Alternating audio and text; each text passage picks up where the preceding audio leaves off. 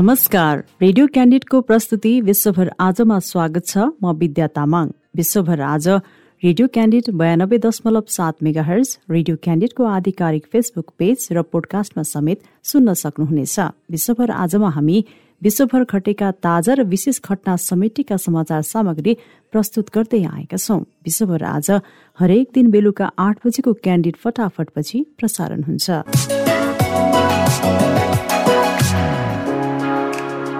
विश्वभर आज भएका प्रमुख घटनाहरू जुन तपाईँले जान्न खोजिरहनु भएको वा जान्नै पर्ने केही विषय छ जुन घटनाहरू प्रस्तुत गर्दै हुनुहुन्छ सहकर्मी यमुना राणा र सुनिता भुल।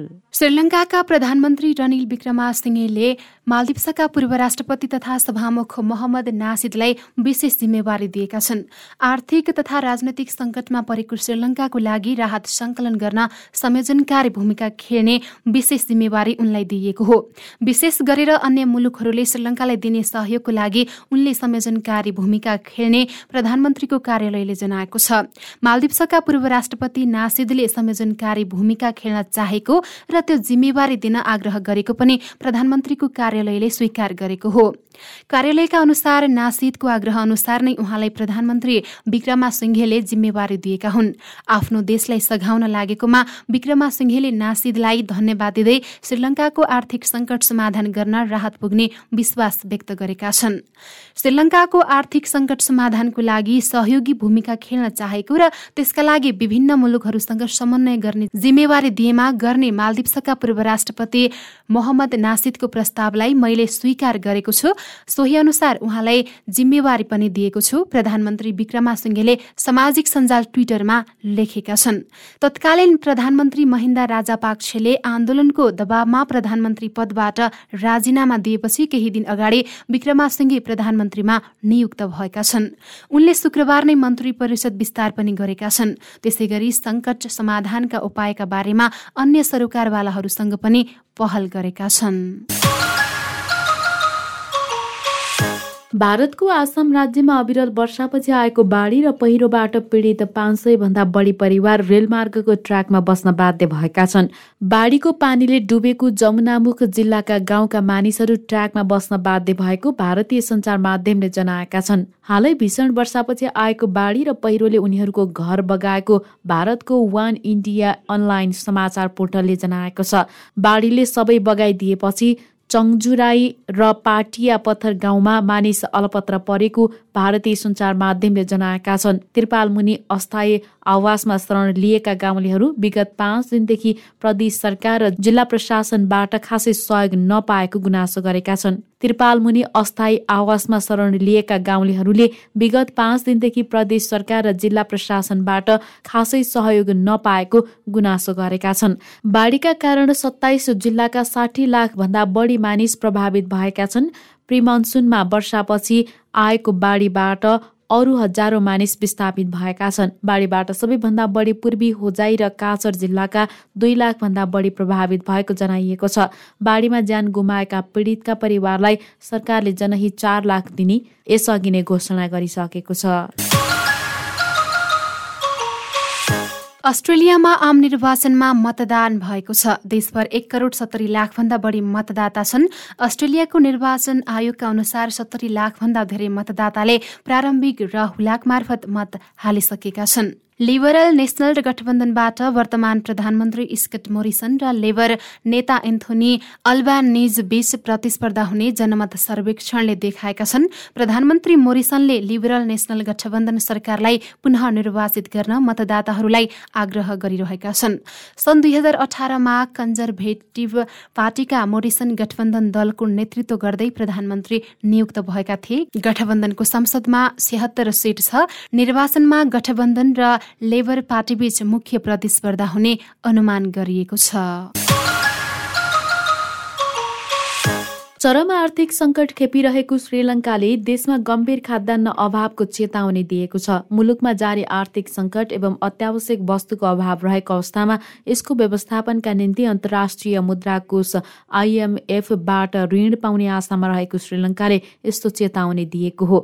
खाद्यान्न सङ्कटबाट पार पाउन तथा उत्पादकत्व बढाउन प्रधानमन्त्री रनिल विक्रमासिंहेले आगामी खेतीको याममा पर्याप्त मल खरिद गर्ने बाचा गरेका छन्। गत वर्ष अप्रेलमा राष्ट्रपति गोताबाया राजापाक्सेले रासायनिक मल आयातमा प्रतिबन्ध लगाउन गरेको निर्णयले उत्पादनमा ठूलो रास आएका बेला वर्तमान सरकारले प्रतिबन्धलाई उल्टाइदिए पनि मल आयात भएको छैन। यही याममा गरिने खेतीका लागि मल खरिदको समय नहुन सक्ने भए पनि आउँदो खेतीको याममा पर्याप्त मल खरिद एवं भण्डारण सुनिश्चित गर्न आवश्यक प्रयास थालिएको प्रधानमन्त्री विक्रमासिंहेले बताएका छन्।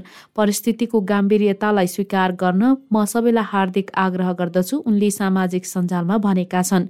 श्रीलङ्काले विदेशी मुद्रा इन्धन र औषधिको चरम अभावको सामना गरिरहेको छ र आर्थिक गतिविधि सुस्त भएका बेला त्यहाँको पेटाहा बजारमा फलफुल र सागसब्जी बेचिरहेकी साठी वर्षीय सुमनावती जीवन कति कठिन छ भनेर कुरा गर्नुको कुनै अर्थ नरहेको बताउँछिन्। दुई महिनामा के हुन्छ म भविष्यवाणी गर्न सक्दिनँ। श्रीलङ्कालीहरूको भविष्य अनिश्चित बनेको पीडा पोख्दै उनी भन्छन्। सुमनावतीको पसल नजिकै खाना पकाउने ग्यास सिलिन्डर बेच्ने पसल अगाडि लामो लाइन लागेको छ।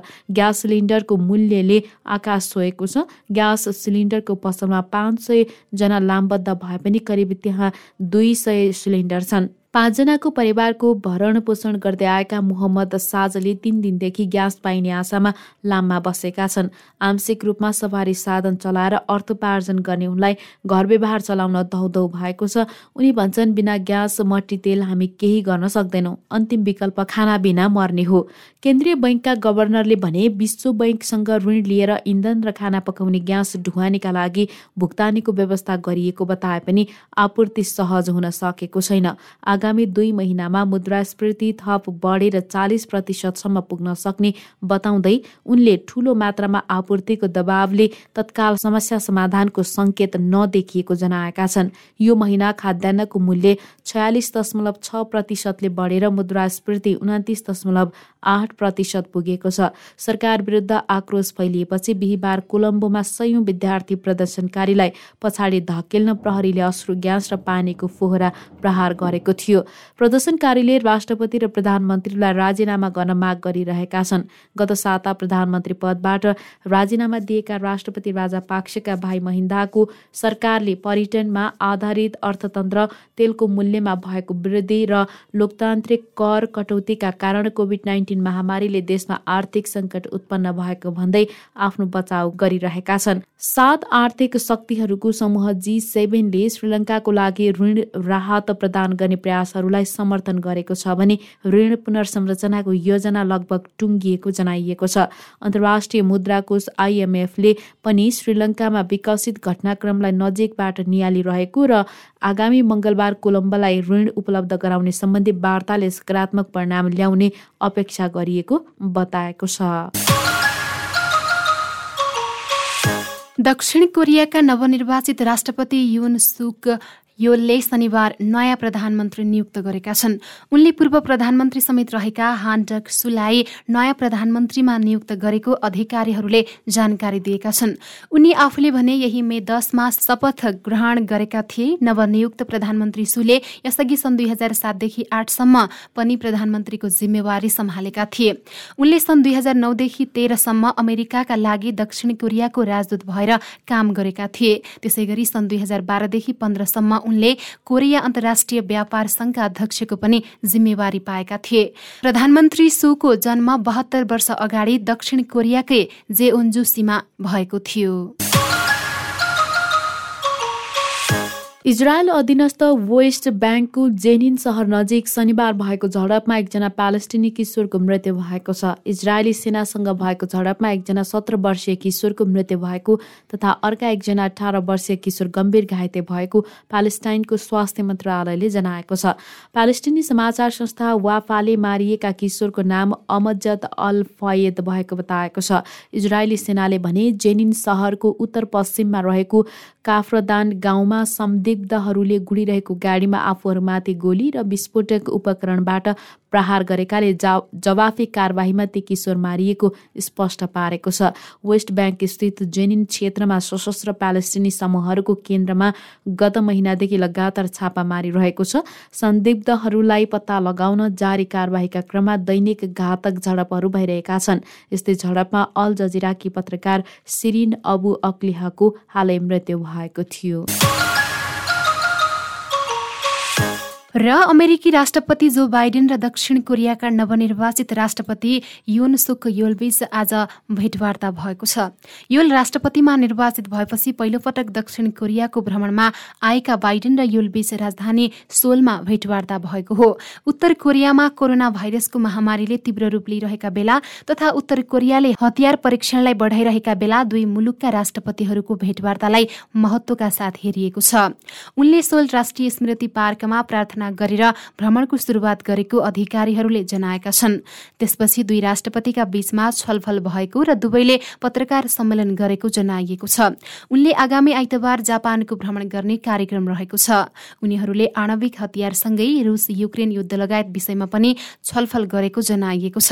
त्यसै गरी आपसी सम्बन्ध थप बलियो बनाउने सहकार्य बढाउने लगायतका विषयमा पनि छलफल भएको अधिकारीहरूले जनाएका छन्। अमेरिकी रणनीतिका लागि जापान र दक्षिण दक्षिण कोरिया महत्वपूर्ण देश भएकाले पनि बाइडेनले ती देशका शीर्ष नेताहरूसँग छलफल गर्नुलाई चासोका साथ हेरिएको छ। प्रस्तुतिमा हुनुहुन्थ्यो यमुना राणा र सुनिता भुल। विश्व गतिविधि रेडियो क्यान्डिडको दैनिक प्रस्तुति हो। तपाईँले रेडियो क्यान्डिडको वेबसाइट आधिकारिक फेसबुक पेज र पोडकास्टमा समेत सुन्न सक्नुहुनेछ। सँगै खबर हब डट कममा पनि विश्व गतिविधि पढ्न सक्नुहुनेछ। भोलि फेरि यसै समयमा विश्व गतिविधि बुलेटिन लिएर उपस्थित हुनेछौ। आजलाई भने विदा दिनुहोस्। नमस्कार।